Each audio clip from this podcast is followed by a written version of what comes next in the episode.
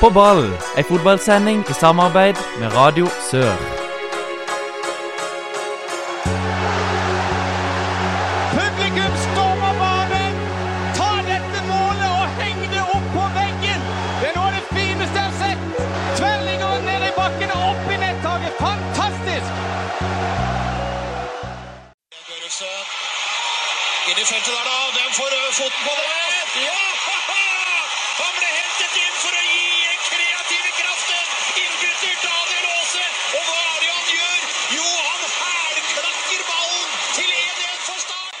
Hjertelig velkommen til en ny sending med På ball. Mitt navn er Håkon Kile, og den neste timen da blir det fotballsnakk her på Radio Sør.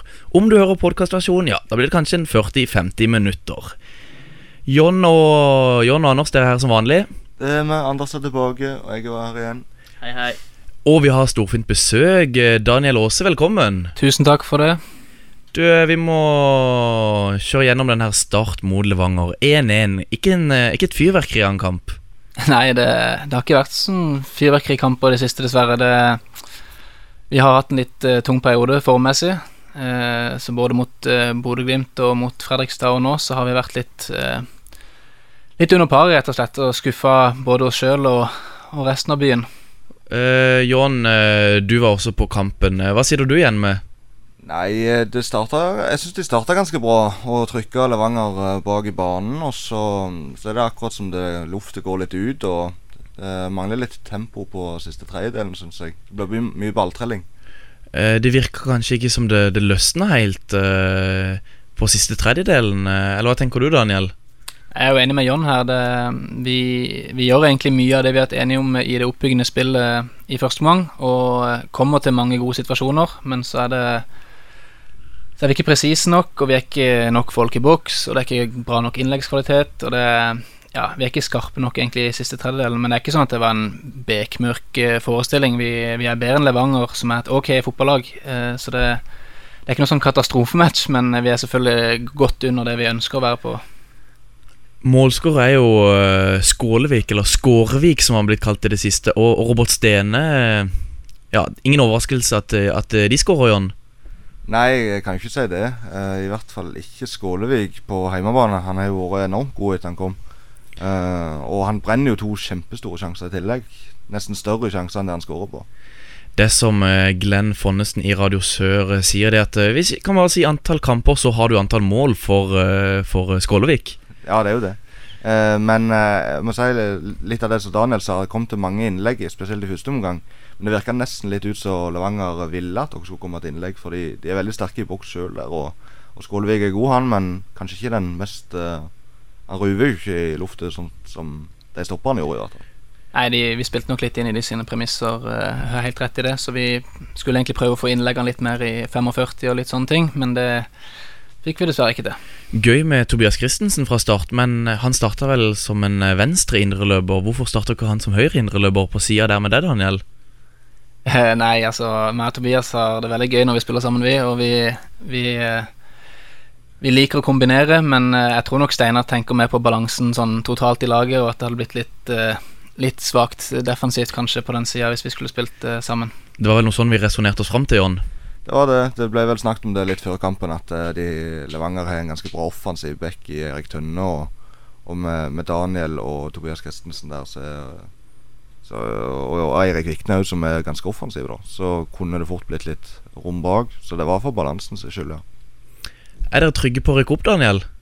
Ja, vi er veldig positive. Jeg tror den situasjonen vi er i nå, er jo egentlig veldig god. Vi har et uh, Altså, alle kampene er jo vanskelige, men vi har et, uh, et kampprogram som ikke er vanskeligere enn det de motstanderne våre har. Og vi, eh, vi har hatt en god sesong. Vi har uh, vunnet mye kamper, men uh, nå gjelder det å komme oss ut av den der litt sånn tunge tralten vi har vært inne i det siste. For at det de kommer bakfra nå, og det er ikke mye mer vi skal droppe før, de, før vi har de forbi oss. Ja, for på topp er det Bodø-Glimt med 59 som uh, Som eh, cruiser opp mot eh, Eliteserien. Start eh, på 46 poeng, mens på tredjeplass er det Sandnes Ulf med 44, og på fjerdeplass er det Ranheim med 43.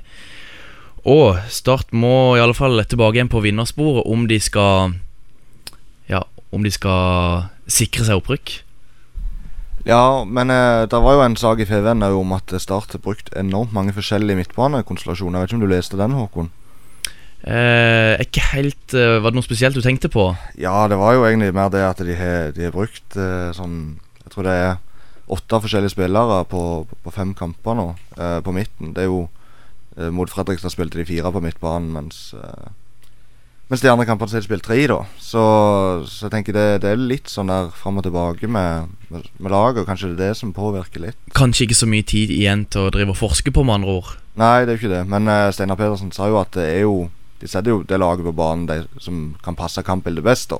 Så det er jo ikke noe sånn der at uh, folk har spilt så veldig dårlig, men som Pål Jørgensen sa, så er det jo kanskje mest det at det er ikke en klar trier som uh, liksom uh, sier at de tre skal selvfølgelig spille, da. Jeg må bare si det at eh, altså når vi spiller førstelaget mot andrelaget på, på trening om dagen, så er det jo det er ikke rart de har en vanskelig jobb, for at det, av og til så er det jo Altså, det er jo helt jevnt, og det er, det er 22 gode spillere, så det er ikke vanskelig å forstå at Steinar eh, er frista til å prøve ulike spillere som jeg viser at de er i god form på trening.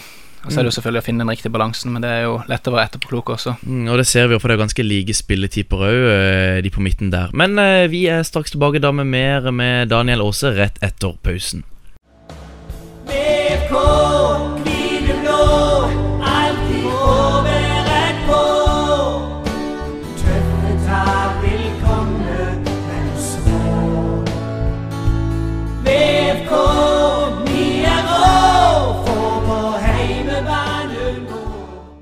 Vi har altså besøk av Daniel Aase i studio. Og eh, Daniel, hvor er det egentlig du er vokst, vokst opp hen? Jeg vokste opp rett med Kristiansand eh, gamle stadion. Eh, Så jeg vokste opp og gikk på skole på Vils minne. På Vils minne, ja. Et, og så videre på Oddemarka og så idrettslinja på Ja. Du, det går rykter om en eh, basketballrekord med antall treff fra straffemerket. Har du vært god i basket? Ja, altså jeg spilte Min far starta faktisk Lund basketballklubb eh, for en 20 år siden, eller noe sånt her, så da ble det naturlig for meg å kombinere med fotball og basket da jeg var liten. Det var jo fotball som var sikkert 80-85% av det jeg gjorde, men eh, jeg var ganske aktiv. Eh, Jeg husker Per Erik Andersen var ikke spesielt fornøyd med meg en gang på ei kretslagssamling med fotball når jeg droppa det å være med der for å spille basketturnering. Så det, det, det holdt på ganske lenge, faktisk. Og da spilte du for det laget til, til din far, da, eller? Ja, det var faktisk min bror som var Ja. treneren på mitt Ja. lag, eh, og så spilte jeg der, da. Hvilke andre idretter eh, var du god i på den tida her? Eller følte du at du beherska bra? Eh, nei, jeg vet ikke. Det er, jo, eh, er det er jo de to jeg har spilt, da, holdt jeg på å si. Men jeg har alltid vært glad i all ballsport. Eh, ikke innebandy, det er worst case. Eh, bortsett fra det så er det veldig gøy med ballsport, og så har vi bordtennisbord hjemme og sånne ting, da. Så det har alltid vært veldig sportsinteressert. Føler du at eh, den allsidigheten har gjort deg til å bli den fotballspilleren du er i dag? Jeg vet ikke, jeg føler Det er kanskje litt oppskrytt i de greiene der, føler jeg. At eh, hvis du ser alle de beste spillerne i verden, så er jeg veldig langt unna de, men eh, så tror jeg de har stort sett vært ganske smale i sitt fokus og trent tusenvis av timer på akademiene der nede, så jeg tror ikke man må ha to idretter for å bli god. På eh, denne tida her så ryktes det om at du spilte mye fotball i kjelleren hjemme. Og da er det Det er vel Don 3-spiller Mats Tellefsen som sender inn her. eh, Husker spesielt en gang da vi spilte fotball i kjelleren hos Åse. Daniel var selvfølgelig dommer og visste hvilke knapper han skulle trykke på. Han provoserte med vilje, og endte til slutt med at undertegnede dro hjem fly forbanna med tårer i øyekroken. Daniel er rett og slett en av de verste taperne og kan være ufyselig i målet mot seier. Hva sier du til det, Daniel? Nei, det er mye sant i, i den historien der.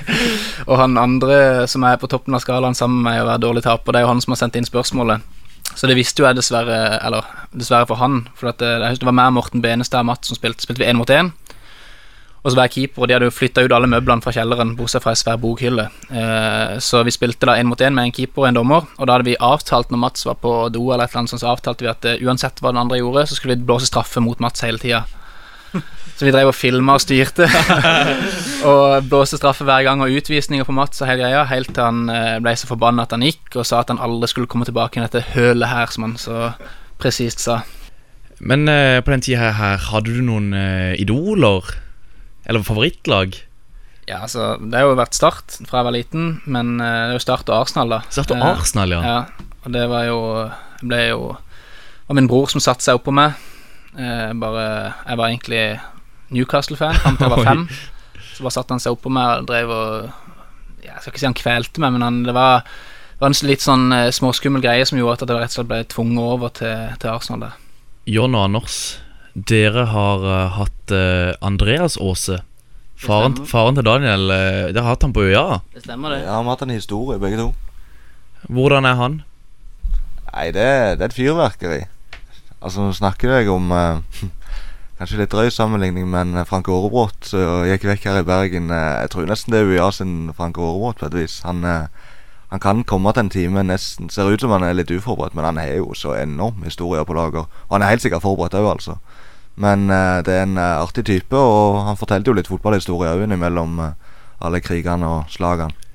Da følger dere vel med? Ja, da følger vi ekstra godt med. Det er det jeg husker.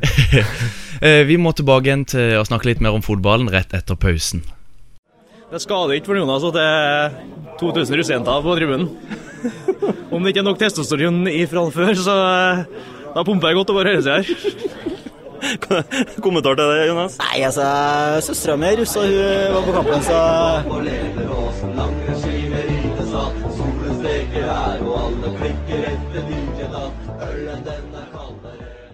Hvis vi drar tilbake til tida på eh, KKG, Daniel Eller, eller det het kanskje ikke KKG den gangen? Jeg tror det var Gimle. Det var Gimle det het. Du gikk eh, idrettslinja. Yes. Var det sånn to forskjellige Var det liksom bredde eller topp fotball, eller var det bare ei Ja, da var det tre klasser som var blanda? Ja. Så da gjorde dere litt av hvert av idrett, eller, eller hadde dere vanlig fotballtrening? Jeg hadde fotball eh, tre ganger i uka, og så var det noen sånne emnekurs og, og forskjellige. Vi hadde, var innom de fleste idretter, men det var sånn på, på litt mindre basis. Skal vi se, jeg har en historie fra norsktentamen. norsk-tentamen. Eh, det er Christer eh, Gunnorsen. eh. Historien om da vi hadde norsk-tentamen, og meg og han var ferdige. Hadde vært nede i byen for å kjøpe det nye FM som akkurat blitt lansert, og vi var hjemme hos han. Altså, det er vel det, tenker jeg. Yes. På Lund klokka ni.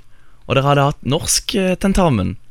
Ja, det var Er, er det noe Er vi på rett, eh, rett spor her? Ja, Det er jo ikke bra at det blir tatt fram, vet du, men eh, det, jo, det var veldig gøy historie. Vi hadde jo sett fram til Altså, FM var jo det store i den tida der. Eh, Vi spilte jo FM hele tida. Og uh, meg og Christer hadde jo sett lanseringsdatoen der ganske lenge i forveien og så at det kolliderte med Det var faktisk nynorsktentamen, så da kunne du slippe unna med litt mindre skrift. Ja, riktig. Eh, så da var det jo å rable ned ei side. Jeg tror vi begynte klokka ni, faktisk, så jeg tror vi var hjemme klokka ti. Ehm, jeg tror vi var Vi hadde vært, ja, vi hadde vært skrevet ferdig eksamen, vært nede i byen, handla FM og satt klare da med diverse Alt vi trengte til å ha en fin sekvens eh, innen klokka, klokka ti, da. Det var bånnsolid. Det var, hørtes veldig solid ut.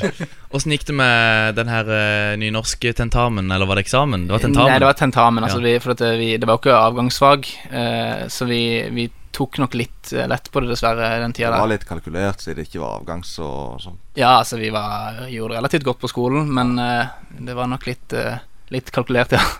Åssen følte du miljøet på, på? Ja, Det var fantastisk. Eh, Alle mine nærmeste venner omtrent er jo den gjengen jeg traff i den klassen der, så det har vært fantastisk tid. Eh, For du spilte eh, i Start på denne tida. Ja, jeg spilte på Start 2 under Frode Fredriksen første og andre klasse, og så gikk jeg til Vindbjart i tredje, midt i tredje. Hvordan var det å gå til Vindbjart på denne tida? Det var litt uvanlig, da. Det var sånn, Visste jo ikke så mye om Vindbjart, bortsett fra at Morten Mykland i klassen da hadde spilt der, og, og sånn, så det var egentlig Det kom litt ut av det blå, men eh, jeg hadde lyst til å spille andredivisjon istedenfor tredje, som Start 2 da rykka ned til, så da jeg måtte jeg ha et skifte. Var de så tydelige på spillestil allerede da? Han ville jo være det, men vi hadde ikke helt spillemateriale i starten til å, eh, til å gjøre det, så det ble en del eh, bakomspasninger på Raymond Hofsæter osv. der, men, eh, men eh, det kom gradvis med årene. Det gjorde det. Har du et beste minne fra tida i Vindbjart? Ja, det er jo ganske enkelt, eh, dessverre, her som jeg sitter her. Det Cup? ja, det var cup. Det var helt fantastisk eh, for oss der og da. Det, det var stort. Og slå ut, eh, slå ut Start? Ja, det var mer for vår egen del at vi som, Jeg vet jo at jeg vokste opp som Start-supporter, men jeg hadde vært der i åtte år, og vi hadde gleda oss til å ha ei cupbombe og få til noe der oppe. Og når vi gjorde det på den måten der, så var det helt utrolig. Det var jo veldig nærme et opprykk òg. Ja, 2013 og 2014 så leda vi jo til sommeren, og så var det nest Sotra og Jerv som, som stakk akkurat foran oss begge årene, så det var, vi var gode på den tida. Ja, det ligger jo en video ute av Daniel Aase 2013-2014 på YouTube. Eh, ekstremt mye bra. Vet ikke om dere har sett- dere har sett det? Jo, det var noe Den så jeg første året her nede. Så det var litt sånn sånn jeg fikk vite hvem Daniel Aase var, egentlig. Eh, så var det opp å se den her eh, Jeg tror det ble 1-1 mellom Vindbjart og Jerv. Så skåret ja. jeg Gausdal og Pepa. Det var litt sånn Yes, da vet vi hvem de er. De Ja. fikk en fin intro til, til sørlandsfotball. Men har du, Daniel, et verste minne fra tida i Vindbjart? Vi har mange stygge, vi har mange stygge tap, eh, så Men Er det litt sånn spillestilen at den, hvis den ikke sitter, at det kan bli stygge tap? Ja, både òg. Jeg tenker at uh, spillestilen var det som gjorde oss så gode, og som gjorde at uh, lag som egentlig var bedre enn oss sånn i utgangspunktet i forhold til divisjon og sånne ting, kunne frykte oss på våre beste dager. Uh, men når vi lå under 6-0 til pause hjemme mot Notodden der, i 25 varmegrader, så er det, det har brent seg fast, dessverre, i minnet. Vi, skal, vi tar en rask pause, og så skal vi snakke litt om, om tida i Start. For vi skal danse med myggen i sola. Vi skal danse med myggen i regn. Vi har snakka litt om eh, tida i Vindbjart nå, Daniel. Og mens du var i Vindbjart, fikk du mye tilbud fra andre klubber, egentlig? Det er ikke så mye eh, det interesserte meg, egentlig. Det var Det var Jeg visste jo om noe interesse og sånne ting, men jeg alltid, var alltid tydelig ute. Jeg husker jeg sa til en journalist i Agderposten en gang at det var uaktuelt, og, og han ringte og spurte om informasjon og sånn, så sa jeg bare at det var uaktuelt, så jeg la egentlig de tingene litt sånn dødt før det hele tatt fikk starta. Hvorfor var det uaktuelt? Fordi jeg hadde så troa på at vi skulle bli det neste Jerv og Arendal. Men eh, Agderposten, da var det Jerv som var på banen? da Ja, det var jo snakk om, om noen sånne lag, holdt jeg på å si. Og da var det jo fordi at jeg følte vi hadde vært så nærme Jerv og klare det de klarte, og blitt så glad i Vindbjart og syntes vi hadde et godt lag, og da ville jeg være med på det sjøl istedenfor å bare stikke. Kunne du ha, kunne du ha spilt i fløy? Ja, ingenting imot Fløy. Det var Sånn som eh, Vi snakka med Jon Olav, Jon Olav Norheim sist, han, men han er jo fra Flekkerøy. Han sier jo han kunne absolutt ikke spilt for, eh, for Vindbjart. Eh, Men du er jo fra Lund, men du har spilt lenge i Vindbjart. Hvordan ser du på det å, å kunne spilt i fløy? Nei, det Du har ikke et så sterkt hat til fløy, nei, kanskje? Nei, absolutt. Altså, først og fremst er det liksom det man ser, fra, ser tilbake igjen på som det gøyeste med tida i Vindbjart, var jo lokaloppgjøret mot Fløy. Så jeg tror de hata oss mer enn det vi hata de. Ehm, hvis du kan bruke hat i en sånn setting, da, men men eh, jeg har ingenting eh, Jeg syns det er vanvittig gøy at Fløy er oppe igjen. Og eh, selv om de har lagd en sang til meg der ute på Flekkerøya, så tar egentlig bare det som, som noe Ja, positivt. det er med noen jentenavn og noe Ja, det er noen fine greier der. Holdt på å få latterkrampe på mens, mens jeg spilte der. Ja, det tror jeg det er flere som har, eh, som har fått. eh. Eh, Men eh, Start, de banka på døra etter hvert, de. Var det først et utlån, kanskje? Ja, det var utlån med opsjon i 2015 der, Eh, så jeg, jeg følte jo egentlig alltid at eh, At det var Jeg trodde ikke de kom til å ville hente meg, for at eh, jeg hadde gjort det bra i en del kamper mot de og sånn, men det skjedde ikke noe. Så, så følte jeg kanskje at den cupkampen ble eh, tunga på vektskåla for min del. da Men, ha, men hadde du liksom alltid et indre ønske om å dra tilbake igjen til Start på et tidspunkt? Ja, selvfølgelig, men, men som jeg sa tidligere, så var egentlig fokuset veldig snevra inn på at vi skulle opp til Obos-ligaen med Vindbjart. Eh, så Start selvfølgelig alltid, alltid vært det jeg har drømt om, men det var ikke det som jeg gikk og tenkte på da. Eh, men eh, hva var det som til slutt gjorde at du valgte å dra tilbake igjen til, til Lund og Start? Nei, det er jo det at det kommer et tilbud, da. Og da er det Da er det jo veldig vanskelig å si Eller det var jo veldig vanskelig å si nei. Altså hadde jeg mange forpliktelser i Vindbjart i forhold til i klubben generelt som gjorde at det var litt komplisert, men eh, så fort vi fikk sortert det, så var, det, var jeg ikke i tvil om at jeg ønska den utfordringa. Og så hadde det litt med faktisk at ikke vi lå i toppen akkurat på den tida. Hadde vi ligget på topp eh, det året med Vindbjart, så hadde jeg ikke dratt. Men så lenge vi lå på syvendeplass, eller hva det var for noe, så, så tenkte jeg det var greit. Men Start spilte vel 4-4-2 på denne tida. Var du litt skeptisk til, til det å Etter å ha spilt så lenge i et 4-3-3-system? Ja, det kan du si, men, men eh, jeg tenkte egentlig ikke så langt. Jeg tenkte mest på at dette er en mulighet som jeg har lyst til å ta, og så har jeg lyst til å teste om jeg kan Om jeg kan ta et høyere nivå. Og så endte det vel opp med at du fikk lov å fortsette med det du gjør i Vindbjart. Ja, eh, noen av tingene Jeg måtte jo kutte ned en del Ja, på det, Hvor mye eh, er du med der nå? Nei, jeg er med en del, eh, men det er veldig sånn tilpassa i forhold til at jeg ikke skal slite meg helt ut. Så det, det er sånn Det er noen prosent. Har vi sett eh, det beste av deg i start, eh, Daniel? Jeg håper jo ikke det. Jeg håper at jeg har eh, mer og Jeg så faktisk vi, vi var med og Steffen Skålevik og, og Preben Skeie annet var også og spilte kort her om dagen, og så begynte vi å snakke om gamle kamper fra 2013 og 2014 og sånn. Og jeg ser jo at jeg spilte på en, på en litt annen måte da. Det var litt mer eh, lekent og litt mer finter og sånne ting. Så at det, har jo selvfølgelig noe med nivået å gjøre at det er vanskeligere å drible backer i Eliteserien i Obos enn i andre, men eh, jeg håper at jeg har et lite gir til å slippe løs. Hvem er du henger mest med i start? Nei, vi er jo en kort gjeng på, på buss, eller på alle turer, egentlig. Det er jo meg og Bojar og, og eh, Simon Larsen og Ropstad og Nils Fortåren, og så nå er jo Steffen Skålevik eh, Man prøver å bli med, eh, men han er foreløpig såpass svak i Spardam at, eh, at det blir dyrt for han, rett og slett. Det høres ut som en gjeng med mye dårlig tapere. Når vi er tilbake, da blir det mer om Obos-ligaen.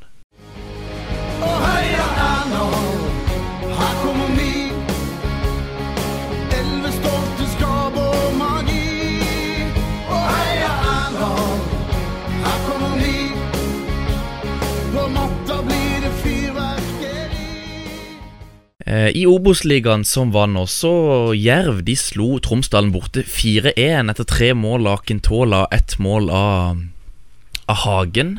Sterkt. Ja, kjempesterkt. Vi snakket vel om det på forhånd, for at Tromsdalen har vært mye sånn vi, De har faktisk vært en del eh, nevnt her i podkasten i det siste, merkelig nok. Eh, og et ganske bra lag, men jeg tror de sto godt Eller Jerv står godt til Tromsdalen nå. Eh, og Akintola som skåret tre mål, og rakk i tillegg til å slåss litt med midtstopperen til Tromsdalen. da. Jerv som er en eh, tre-fire poeng unna kvalifiseringsplass til Eliteserien. Ja, det ser ut til de kommer seint, men godt. Eh, de har jo ikke vært i nærheten av det foreløpig. Men nå skal de ha noen eh, Ja. tøffe kamper framover, skal de ikke det? Ja, de har Mjøndalen nå denne helga som kommer. Tøff. Ja, men de har vært gode mot gode lag. Hvis vi ser på Arendal, taper 5-0 borte mot Elverum. Hva er det som skjer, Anders? Nei, det er total uh, svikt. Det er ingen tilstedeværelse. Det, men selvfølgelig, Elverum skårer på det de har fra den første omgangen. Og det bedres Det virker jo som om det bedrer seg i andre omgang. Jeg slo, jeg slo jeg gadd ikke å se mer når det, når det ble 5-0 til pause, da, men uh, jeg tenker Når du har den ene sjansen til å redde, redde plassen, og så mot laget der og du spiller mot det laget som du kjemper mot, og det ligger under 5-0 til pause, da fortjener du jo ikke å, å beholde plassen. Du eh, har vært på tur til eh, Arendal den uka, John. Har du ikke det? Jo, vi var en tur med klassen i går, faktisk, på, på tirsdag. eh, på et museum. Det var koselig, det. Men hva fikk du tak i der? Eh, nei, i, i, i, i lunsjen så lå Agderposten der, så da tenkte jeg jeg måtte innom Sportssidene. Og der er litt sånn kaos der nå. Det, på mandag så var det jo en kommentar om at eh, de måtte se seg selv i speilet og bli mer profesjonelle, og eh, at folk i styret må gå og litt av hvert. Det var jo Agderposten som mente det. Og så på tirsdag da så kom jo svarene. Det, du har en tidligere storskåreren, han eh, Olsbu, eh, Svein Olaf Olsbu. Han mener på at kritikken er litt for strenge. At det, det er utrolig at Arendal er i førstedivisjon, og at de skal glede seg over at de har vært og klart det. Og så kan de heller komme seg tilbake igjen, da. Men eh, så er det jo kritikk på at de burde være mer profesjonelle da i, i hele klubben. At det mangler At de på en måte ikke ser ut som de har vært helt klar for dette her. Nå møter Arendal eh, De møter Kongsvinger eh, nå i helga. Kongsvinger som fikk, som fikk eh, karakter noen poeng mot Fredrikstad, så vidt jeg husker. Ja, det fikk jeg i grunnen ikke med meg. Men jeg skal i hvert fall ned og se den kampen Eller bort og se den kampen i Arendal. Jeg kan ikke si jeg har sånne store forventninger, egentlig, for nå føler jeg det lufta har gått- litt ut av alt som heter håp, egentlig. En tur tilbake igjen til Norak, rett og slett. Ja, Men det blir gøy. I hvert fall hvis vi får halvparten så bra vær som sist så kan det bli kjekt. Eh, men eh, ja, hva tror du, Anders, om eh, Arendal mot, mot Kongsvinger? Nei, de må iallfall stille opp litt mer enn det de gjorde i helga. Eh, som Jan sier, jeg tror at håpet er ute nå, at det blir nedrykk. Men det kan jo være de at det tennes en gnist likevel. Sånn som det ofte pleier med lag som allerede har rykka ned. ja, ser du noe, ser du noe Arendal og, og Jerv, Daniel? Ja, vi ser jo alt som er når det ikke går på samme tidspunkter som, eh, som vi spiller sjøl. Ja, Hvordan syns du det ser ut i, i, i Arendal? Jeg syns det er veldig rart med Arendal. Jeg, egentlig, syns de er Jeg synes Før sesongen blant annet så så de veldig bra ut, og de eh, De har en, altså, i Mathias en god trener, og de har henta inn en haug av spillere og har mange gode spillere også, syns jeg. Så det at eh, ja, Det er ikke så lenge siden de fint kunne klatra seg ut av den sumpa, da, men eh, det, er jo, det er jo skuffende det de har plassert. Men kan an det antallet spillere de har henta, gjort at det har blitt sånn som det har blitt? Ja, Det vet jeg ikke. At det er vanskelig å få alle til å samhandle sånn som du ønsker på så kort tid? Det kan selvfølgelig være, eh, men de eh, uansett så, så er jo de og Jerv Jerv kommer veldig bra nå. Jeg syns jo Jerv absolutt har et lag som skal være godt nok til å ta en kvalikplass. De, jeg syns de har et kjempelag, rett og slett. Eh, så det kan de fort klare. Mens Norak stadion kan bli en andredivisjonsarena til neste år. Ja, det har vi jo nevnt før at det kan. Og jeg liker jo ikke egentlig å si imot meg sjøl, men jeg føler det blir sånn annenhver episode nå. At vi sitter, ja, nå er det jo kjørt, og så vant de mot Florø, og så Ja, da er det jo muligheter, så Problemet er at det er resultatmessig det er ingenting som tyder på at de skal klare seg. Og nå når de taper mot Elverum, som ja, lå unna de, eller lå rett på sida de på tabellen, og de taper så mye, så så tror jeg alt håpet er ute. Ja, vi får se. Norges lag nummer én Rune Almenning Jarstein. Nummer tre Kjetil Wæler. Nummer fem lagkaptein Brede Hangeland. Ukens eh, drømmelag det er det selvfølgelig Daniel Aase som skal legge fram. Og Daniel, eh, vi er spente. Er det spillere du har spilt med, spilt mot, eh, spillere du har eh, sett opp til? Hva, hva får vi? Det for eh, Altså, det har noen kriterier her. Eh, det er spillere jeg har spilt sammen med. Jeg har spilt ganske mye sammen med alle sammen òg. det er viktig at det skal være null gjennombruddskraft i laget. Så det er lite fart i dette laget her. Eh, og de, liksom, de fleste skulle nok ønske at de var født eh, 20-30 år tidligere, for fotballen i dag løper litt fra de, de fleste her. Men samtidig må jeg si at i alle lagene jeg har vært i, så er det noen de det er disse spillerne kanskje har hatt den beste linken med. Hvilken formasjon? Eller er det et dumt Det- spørsmål? Ja, det blir eh, Det skal forklares litt etter hvert. Det er en veldig rar formasjon som du kanskje ikke har sett før. Eh, jeg tenker vi begynner, eh, vi begynner eh, bak i, i målet. Ja, altså vi, vi har også sagt som et kriterium at det skal være, det skal være mye mål, Mye mål. og, og det skal ikke være lange pasninger. Men er det mye, mye, mye mål begge veier, da, eller? Ja, begge veier. Ja, Begge veier. ja, ja absolutt. Um, så det, men dette er ikke noe med keeperen å gjøre, for så vidt. At, men han er veldig god til å spille ut bakfra. Det er Benjamin Bojar. Ja, Og han er jo en fest både på og utenfor banen. Han, eh, absolutt. Han, han sa jo blant annet i første Feven-intervju Så sa han det at han likte å gjøre mye syke ting og hoppe fra høye fjell og sånne ting. Så, eh, så han er helt rå på, på å spille seg ut. Og de som var på Sørlands, i Sørlandshallen og så han mot Start en gang der, så var det bare, ja, ja, ja. Noe, bare noe show og noe styr. Så han kan bli fin å ha bak oss der. Ehm, så går vi videre. Vi går først på høyre stopper, faktisk. Ja. Eh, for at der skal være altså tidenes høyeste offside-linje. Eh, da har vi en same, rett og slett, eh, ved navn Håvard Kenneth Olsen Karlsen. Håvard Kenneth Olsen Karlsen er kjent Håvard Karlsen. Eller Håvard Karlsen, ikke Ja. Feven Håvard Karlsen. Ikke Feven Håvard Karlsen. Nei, men han heter altså Håvard Kenneth Olsen Karlsen og er same. Jeg Var sportslig leder senere i Vindbjart. Ja, jobber på Tangen? Ja, stemmer. Ja, riktig. Han var eh, nekta, Han ville bare kombinere. Eh, satt sin egen offside-linje. Hadde masse 20 triks. han måtte ha det, for han hadde ikke hverken fart eller eh, Han var egentlig høyrekant. Eh, og han er jo også den som har funnet opp egentlig frispillinga i Vindbjart, altså mer eller mindre. Så hvis du har lyst til å høre en sånn halvtimes monoton finnmarksdialekt eh, gå gjennom frispillinga i Vindbjart, så er det veien å gå. Så han må med på dette laget her. Og han, grunnen til at han må med også, er fordi at vi har en, vi har en Eirik Vikne, som er en av de få moderne spillerne på dette laget her, som er på høyre back. Han har jo hatt en god link med i år. Det som er gøy med Vikne, er at uh, hvis Simon f.eks. kjefter litt på ham på kampen, så er det som De fleste pleier å bli litt sure, da. Eh, han, så sier Simon sånn 'Må du skjerpe deg, Vikne', sier han. Så sier Vikne 'Ja, jeg vet det, Simon, jeg skal skjerpe meg, jeg skal prøve, det var altfor dårlig'. Så da tror jeg at Håvard kan hjelpe han rett og slett med å lære han litt, uh, litt tjuvtriks. Og uh, han er, en, han er jo som sagt Han, han er en, en av de få i laget med mye fart, så han får beskjed, streng beskjed om å ikke bevege seg over midtstreken. Eh, og ikke løpe i bakrom. Eh, men eh, Men han er som sagt altså, Jeg elsker å spille sammen med Eirik. Han, er Jeg har utrolig stor tro på at han kan bli en, en toppspiller. Det ser jo ut som, det ser ut som at han får ballen der han vil ha den. Det sa vi jo så litt sist. Så, Det virker veldig greit å ha det foran seg. Ja, og så er det veldig greit å ha han bak seg. For han kommer jo opp og ned, og det, det som er synd for han, at han må hjem igjen. Ja, altså, Det slipper jo du. ja, det- I, det, I ja, samme grad. Ja, jeg slipper det i samme grad, ja. Det er veldig fint. Så har vi på venstre stopper så har Vi for vi kunne ikke ha med Jon Ole eh, Reinertsen eller Simon Larsen, som kanskje er to av de beste stopperne han har spilt med, for de er rett og slett for gode defensivt. Eh, så vi må ha Kjetil Myhrvold, som rett og slett spilte en del stopper eh, i Vindbjart, men som jeg fortsatt vil si at er den beste spilleren jeg har spilt med på sitt beste. Han var helt utrolig eh, god. Folk gadd ikke å prøve å ta ballen framfor trening. Eh, og eh, jeg tror han og Håvard Karlsen kan bli en underholdende stopper eh, stopperkonstellasjon, for at de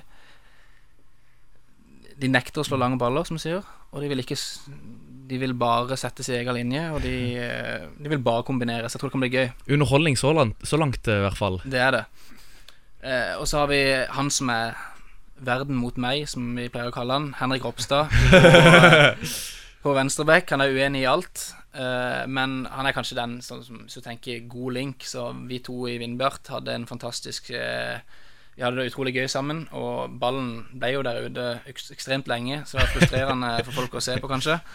Men han er for først og fremst en veldig god spiller.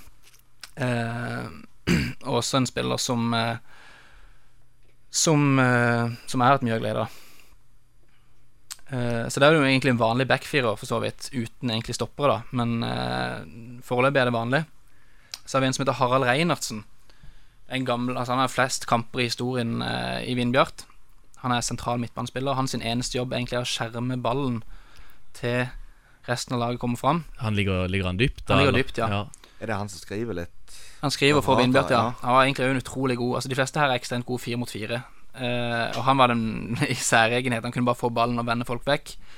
Og dunke han inn. Eh, men han kan heller ikke Han kan ikke slå langpasninger. Altså Han er ikke kapabel til å slå langpasninger. Han har ikke fot til det. Så det er veldig greit å ha han med, for da vet vi at det ikke kommer noe derifra. Uh, utrolig fin type og uh, en veldig god spiller som skal styre det sentralt.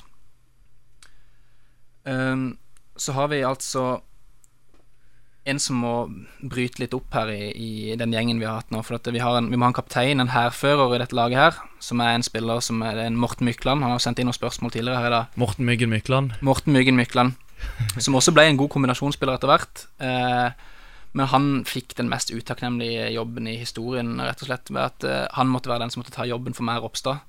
Ja. Og det må han dessverre gjøre i dette laget her også. Eh, og han eh, Men det var noe han mestra? Mestra, ja. Han er jo en eh, ballvinner av rang, rett og slett. Fantastisk. Og eh, hans jobb da blir å holde igjen når vi eh, surrer ut på venstresida. Eh, han er som sagt kaptein på, på laget her. Og han kan heller ikke, han sammen med Harald, kan heller ikke slå lang, han kan ikke slå langpasninger. Så det er veldig greit å vite, for da får vi ikke noen crosser fra den kanten der. Men Trente dere noe på langpasninger i Vindbjarte på den tida? Ja, altså vi, Han vil jo ha lange pasninger, men han vil ikke ha klink. Han vil Ja. ikke ha ikke at du skal lukke øynene og dunke de. Ikke sant? Men eh, det ble Morten på venstre indreløper da. Og så nå kommer det litt spesielle, da, for at vi har, vi har to venstrekanter. Vi har ikke noe høyrekant. Ohoi. Så sammen med meg da på venstrekant så har vi Tobias Christensen, Ja. eh, som bare skal drifte over på venstre. og Han skal egentlig bare være der hele tida. Hvis ballen er på høyre, så går jeg over på høyre. Så vi skal egentlig da eh, Altså, han er jo altså, Det er jo litt kleint å si, men han er jo favorittspilleren min, eh, Tobias. Han er 17 år, og jeg har så ekstremt troa på han. Jeg syns han er en kul spiller. Han er ikke redd for noen ting. Han er eh, bare tar plass, og eh, ja, han eh, han er virkelig sånn Med en gang han kommer inn på banen, så kommer han hen til meg og så sier han sånn «Skal vi spille Tiki? Skal vi spille Tiki? Gjør han det? Ja, så han er, liksom, han er utrolig klar for å kombinere, og han er en av de gøyeste å spille sammen med. For det så vi jo litt mot Levanger, at selv om han var venstre indreløper, så kom jo han og, og vandra litt. Han gjør det, eh, så jeg er bare positivt å si om han som spiller. Han er ekstremt glad i, i dette kombinasjonsspillet som dette laget her skal være eksperter på. Og det som da skjer eh, når han kommer over på venstre, det er at vi har en, eh, vi har en Preben Skeie på høyre indreløper. Så da er vi i alle fall sikre at det ikke blir noe bakomsløp på høyresida. uh, han har jo et uh, silketouch, han er jo en av mine beste kompiser. Han uh, bøtter inn mål, er også mer glad i å løpe framover enn å løpe hjemover. Så han er alltid i skåringsposisjon, men det kan bli mye rom å dekke bakover. Så det, det som sier at eh, 5-5, er et- eller overspill på mål, er et godt tips i disse kampene her. Uh, så det blir Preben da på høyre indreløper. Uh, Og så har vi Det er umulig å komme utenom eh, Øyvind Gausdal, som egentlig da bare kommer til å stå og kjefte på alle som ikke får ballen fram til han, eh, fordi at vi bruker for lang tid. Men det er helt ekstremt. Altså, maken til omtrent kan man kalle det kjærlighetsforhold på banen som jeg og han hadde, det var Er Gausdal den du har slått flest assister til? Ja, det er det. 100 Var det Eh, sånn som det så ut, at når du kom rundt på kanten, så visste du at du bare kunne legge ballen på bakre stolpe? Eller var det litt mer enn det? Nei, altså, det var, han er så god. Han er en målskår Altså helt fantastisk å spille sammen med, rett og slett. Han er så god i, i boksen der. Uh, jeg har aldri sett maken på det. Så det at uh, han var Men det som var det sykeste, var at det ene året som han hadde 26 mål, så hadde jeg én av de assistene. Oi. Så det var én sesong hvor bare alt gikk i ball for oss. Men bortsett fra det så hadde vi en fantastisk link, og han er Ja, han er Slår vel alle rekorder som er i norsk toppfotball, og ja Utrolig bra fyr. Hvis du skal Går det an å sette det her laget i noen formasjon? Hvis du skal, Hvordan er det det ser ut på, på arket du har der? Altså, du må jo nesten da sette det opp med en Det er jo en 4-3-3, bare at det er ingen på høyre. Så det er som Hvem, kan sette Tobias opp på høyre, men det, hvem, hvilken trener skulle til for å klart å holde styr på dette laget? jeg tror vi skulle klart oss sjøl, egentlig. Det skulle du klart dere selv. Ja, Med Morten Mykland som hærfører, så tror jeg han skulle holdt oss i tøylene til å gjøre en god jobb. Det høres jo ut som du, du har lagt en plan her. Så Ja, planen er klar, den. Så det, det kan bare gjennomføres. Og hvilke, hvil- hvilken draktfarge hadde dere hatt her? Hadde det blitt uh, blått Vindbjart? Er det gult Start? Det røde Arsenal? Kanskje en styre under blanding alle. blå. Kanskje styre under alle fargene som har knytta opp til det. Nei, vi kunne hatt en blanding av gult og blått. Det hadde vært fint, ikke? ja. Greipstad. Ja. Litt Greipstad, Ja, som vi har vært, inne på. Kunne bare kjøpt Greipstad. Ja. Nei, det hadde hørtes ut som et veldig underholdende lag, og antageligvis eh, underholdende ut forbi banen òg. Ja, det tror jeg. Eh, Dette laget blir snak, snart uh, lagt ut på Twitter, og da, uh, da er det sånn at eh, da kan du ta dette laget, skrive det ut, henge det opp uh, på veggen, om det er på badet, er det på kjøkkenet, er det i garasjen, eh, hvor som helst, Anders. Jeg har i hvert fall tenkt å henge det opp over senga, jeg. Det er bra. Vi er, vi er straks tilbake. Altså, der, jeg syns vi mangler litt lite eh, intensitet. At vi, vi, vi, er litt vi er der, men vi er ikke der. Altså, vi, vi er der, men vi er ikke der. Altså, vi... Vi har altså kommet til ukens Der, men ikke der. Og eh, denne uka her så skal vi snakke litt, i hvert fall først, om femtedivisjon. Femtedivisjon avdeling 1, hvor det er enormt eh, jevnt i toppen. Mellom Don 2 på 48 poeng, Froland på 45 poeng, og så har Hånes nå falt litt av, men de har 43 poeng. Eh, kjenner du noe til noe femtediv, eh, Daniel? Er det noe du ser? Don 2, for eksempel? Jeg har sett én Don 2-kamp i år, og så det, kjenner jeg jo en del av de gutta på Hånes. Eh, oh, ja. Så jeg får jo med Får med meg hva som skjer. Eh, Hyppige statusoppdateringer fra noen av gutta der. Ja, hvem er det som spiller, eller er det noen kjente navn eh, i Hånes eh, om dagen? Ja, altså De hadde jo Follås og Jones fram til sommeren, men de forsvant. Så da tror jeg litt av Jeg tror nok det er litt av grunnen til at de har datt av. Men så er det jo Jones har? Jones flytta til Bergen for å studere. Eh, Så er det jo Jonny Christiansen og, og Kim André Lauritzen blant annet som er igjen der, som jeg kjenner. Men eh, nå leder jo altså Don 2. Men de kan vel egentlig ikke rykke opp hvis ikke førstelaget til Don rykker opp. Og det er jo litt sånn, De hadde jo et møte her eh, i forrige uke om eh, sånn opprykksmøte. Om vil de opp, vil de ikke opp. eh, hvor jeg vet ikke om de kom fram til noe klart svar. Nei, jeg var ikke på møte, så jeg vet ikke. Men eh, vi får jo se hva som skjer med A-laget først, og så får vi ta det andre etterpå. Men du snakket vel om at det kanskje var snakk om en playoff-plass òg der? Ja, for eh, vi kan si det i femtedivisjon avdeling 2 så er det Kvinesdal som leder med 43. De rykker opp. Og så er det Farsund på 33, mens Fløy 2 har 32 poeng og har en kamp eller to mindre spilt. Og Fløy 2 de snakker jo om at de går for denne her eh, kvalikplassen som visstnok eh, andreplassen er. Ja, akkurat Fløy 2 virker jo ut som de har gått for det i hele år. De har stilt ganske mange sterke lag, så de gjør vel det. Mens uh, Takk Vinesdal, som nå rykker opp til fjerdedivisjon, uh, de bygger for 42 millioner. Er ikke det fantastisk? Altså, de har jo en gressbane fra før, de har kunstgressbane fra før, og de har en flott hall. Men nå får de altså en ny kunstgressbane og uh, idrettsanlegg. ja, og hvor mange medlemmer er det i denne klubben her? Det var vel 400 det sto jo Ja, i, i kommer, FVN. kommer til å få god bold- boltreplass, de, altså. De har hatt mye dugnadstimer, men mye gjenstår, sier Jan Robb, som er leder i Ja, så skulle de jo øke fri... Eller forbedre fri... fri det? friidrettsfasilitetene. Eh, sånn at de kan vel plutselig få opp en ny Karsten Warholm eller noe der. Er det en kommende uh, storsatsing vi er vitne til, eller? Nei, Kvinesdal de har i hvert fall en eh, De har en flott klubbsang og Ja, jeg vet ikke. Men eh, det ser i hvert fall ut som Eller de er så godt som sikre for fjerdediv. Kan bli en fin bortetur da for mange i fjerdedivisjon. Kan, kan bli en eh, flott bortetur. Åssen er du, Daniel? Liker du å reise langt, eller gjør du deg ikke noe av det? Sånn i, Nei. i Obos og eventuelt Eliteserien? Nei, det er som sagt Det er jo den kortspillinga uh, som egentlig redder de lange borteturene, så vi Vi gleder oss jo Gleder oss jo egentlig til å komme i gang med kortspillinga. Pleier dere å ha overnattinger? Har, har dere hatt noen overnattinger i Obos-ligaen? Har overnatting hver gang. Det har Bortsett hver gang? Fra, ja, bortsett fra når vi spiller lokaloppgjør, selvfølgelig. Hvem er du sover på rommet? Det er Ropstad. Det er Ropstad. Yes. Så han er tidlig i seng.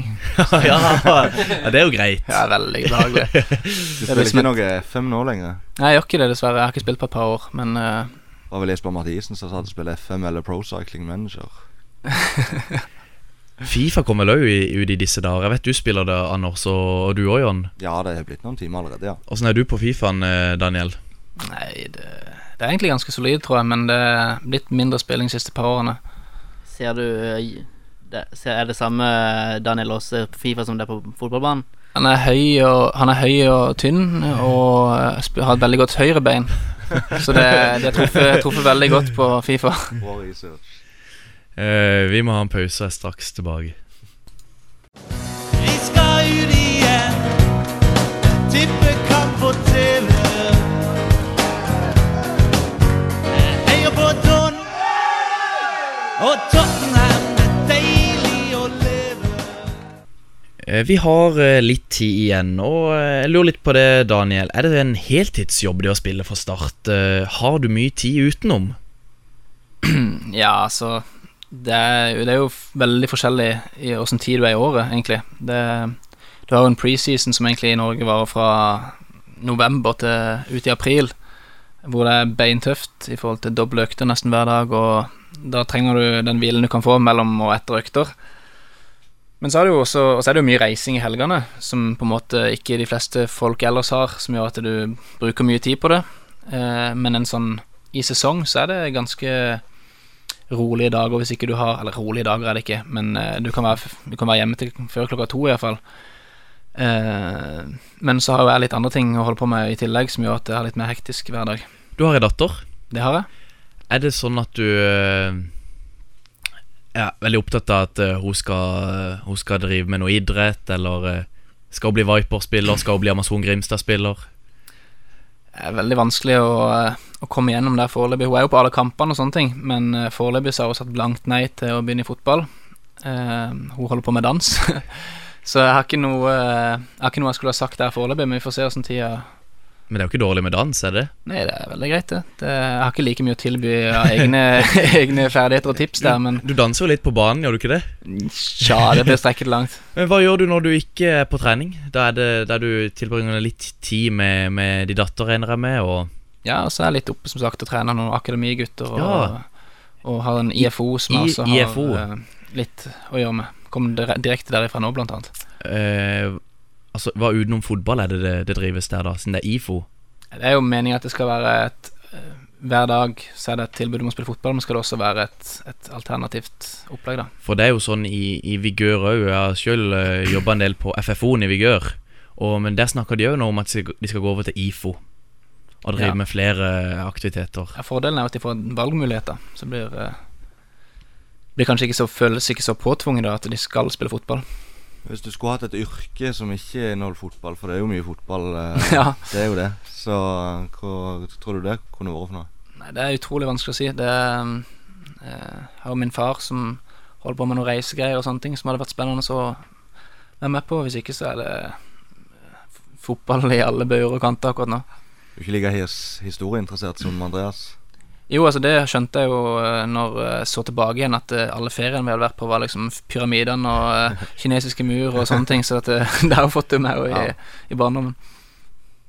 Eh, spørsmål på Twitter her. Eh, broder Simon Aase, som satses på forlagbransjen, hevder han var familiens største fotballtal fotballtalent. Stemmer det, Daniel? Det stemmer dessverre ikke, altså. Eh, han, han var bedre enn meg fram til, fram til han var ni, kanskje. Eh, da var jeg syv. Eh, men det som var veldig fint, var at vi var ca. like gode i veldig mange år. Så at vi pusha hverandre hele veien. Og Simon er jo god til å spille fotball, eh, men jeg var litt heldig at jeg alltid kunne være med og spille med hans sine kompiser, og alltid få pusha meg der. Så, så vi fighta lenge, iallfall. Jeg ser det spør noen er flere som spør her på Twitter. Pål Gudbrandsen blant annet spør En kjapp quiz om verktøy må være tilhørende bru med til, tilhørende bruksområde bør være på sin plass. Er det sånn at du er lite handy, vil du si? Det helt skandale. Det er helt skandale. Det, jeg vet jo, det, det startet jo egentlig med at eh, jeg skulle hente en skiftenøkkel, men, eh, men det hadde jeg ikke peiling på hva det var, så jeg kom tilbake med, med stjerneskrutrekker eller et eller annet sånt her. Så det er liksom der det kommer fra. Og så vet jeg jo fortsatt ikke hvordan jeg bytter spottene i leiligheten og litt sånne ting, så det er håpløst eh, tilfelle. Ja, For det samme spør han eh, Morten Myggen Mykland om eh, handyman. Vet han hva en skrutrekker er? Nei, det er jo det som blir Ja. problemet nå. Nå surrer det fælt eh, oppi her. Eh, Morten Mykland spør også Grønne fingre, har han noen form for blomster hjemme hos seg? Hvordan gikk det egentlig med hekken han planta i hagen sin? Husker han navnet på den? Ja, det vet faktisk ikke. Jeg tror kanskje det var en tuahekk med at Thorsen eh, frekka oss til å plante ut i hagen min der. Eh, Kasta bort skattepengene på å plante ny hekk. Eh, det angrer jeg jo bittert på i dag, selvfølgelig. Eh, nei, de eneste plantene jeg har i leiligheten, er selvfølgelig de mamma Hun kom senest for et par dager siden med noen planter og satte de utenfor hos meg, sånn at det skulle være litt der inne. Så det er det. Hvis ikke så åpner det. Christer Gundersen eh, spør Når han i søvne hang ut av vinduet i Nybyen fordi han mente det brant. Hva er dette for noe, Daniel? Ja, altså Før jeg fikk ei datter, så var jeg fryktelig til å gå i søvne. Eh, hadde mange spesielle saker der. Og da var det en gang jeg bodde nede i Nybyen, da, så, så våkna jeg da at eh, den personen jeg bodde sammen med, hang ut av vinduet, og hun spurte da ja, hva, hva skjer? Hva, jeg hang ned fra andre etasje ut av vinduet der. Nei, så jeg bare slapp av, det brenner, vi må komme oss ut, Så, jeg. Så måtte hun heise meg opp igjen, da. Så det det er litt skummelt Det var litt skummelt en periode der, rett og slett. Jeg utsatte meg sjøl for fare, så det er godt den tida er over. Eh, Christer Gundersen fortsetter at han veldig ofte spiller med tøy på vranga og, og har forskjellige sokker. Har han i det hele tatt fått med seg hodet inn i studio? Ja, altså, Stemmer, jeg- stemmer dette? Ja, det gjør det. det, det skal se, I dag har jeg to like sokker, det er egentlig ganske sjokkerende. Eh, men eh, nei, jeg velger jo å vri det om til å si at jeg fokuserer på de, liksom, de tingene jeg syns er viktige, da, og så blir alt annet eh, ganske tynt, egentlig. Men eh, prøver å være påskrudd på trening og på jobb og sånn, og så er det som, det som kommer etterpå, det, det er heller labert. Du er god på det du er god på. Ja, det, kan du, det får være dine ord. Eh, vi skal tilbake igjen til, til Don 3. Don, Don, en klubb hvor det, hvor det spirer og gror godt om dagen, eh, må vi kunne si. Eh, Det er Mats Tellefsen som spør, eller sier Lester sier ikke mer. Hva mener han med det, Daniel? Nei, vet du hva, det Lester var Alle husker gullsesongen. Jeg husker han på en en, litt annen grunn enn bare at de vant gull. Um, vi hadde noen kompiser i, i jula og så snakka om hvem vi trodde kom til å vinne Premier League det året der. Og så var Leicester sånn kanskje fire-fem poeng bak eller noe, så jeg tenkte jo at de er allerede i ferd med å dette. Så var det en som ville at jeg skulle gi odds på, på Leicester, da, hvor mye sjanse det var for at de kom til å vinne. Så ga jeg vel 16 i odds eller noe for det. Jeg tenkte at det, var, det klaffa ganske godt med bettingsidene og sånne ting. Og så var en god kompis av meg som også er pokerspiller, eh, og som da selvfølgelig alltid har kontanter på seg. Han bare dro fram en tusenlapp og sa jeg setter 1000. Oi. og så tenkte jeg ja, ja, greit.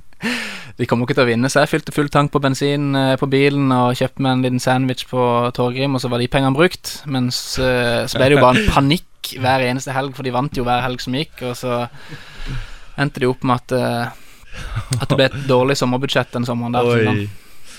Ja eh, 16 i odds. Det, Det var feriepengene. Ja, en 16 i odds på at Leicester skulle vinne ligaen hørtes jo nesten litt lavt ut. Men det var halvveis, da. Ja, Ja, jeg vet ikke hva jeg skal si. Jeg, jeg eh, spiller ikke så mye lenger, jeg. Det er en grunn til det. Et uh, annet uh, spørsmål vi, har fått inn, det er fra Amund Lutnes, uh, Obos-kommentatoren. Han spør hvor stor forskjell merker Daniel på Eliteserien og Obos-ligaen? Eh, Nei, det er ganske likt på en del områder i forhold til at det er tett og mye dueller og, og sånne ting, men store forskjellen er jo at eh, alle eliteserielagene har noen spillere som, som avgjør kampene for dem. Eh, så det, at det, det er veldig mange Obos-ligaspillere som like godt kunne vært eh, i staller i Eliteserien og gjort det ok der, men så er det disse her eh, avgjørende mm, ekstremt raske og teknisk gode spillere som, som gjør forskjellen. Det syns jeg iallfall er jeg husker jeg måtte, Første året jeg kom der, jeg måtte drive og jage etter uh, Mohammed Keita og Vikheim og Seknini. Der. Jeg måtte drive og løpe etter de. Det var en, en brutal åpning på, på karrieren. Kan, eh, kan se for oss uh, det. John, uh, hva er det vi ikke har fått snakka om i dag? Det må jo være Vindbjart, tenker jeg. Ja, Vindbjart. De tapte i helga.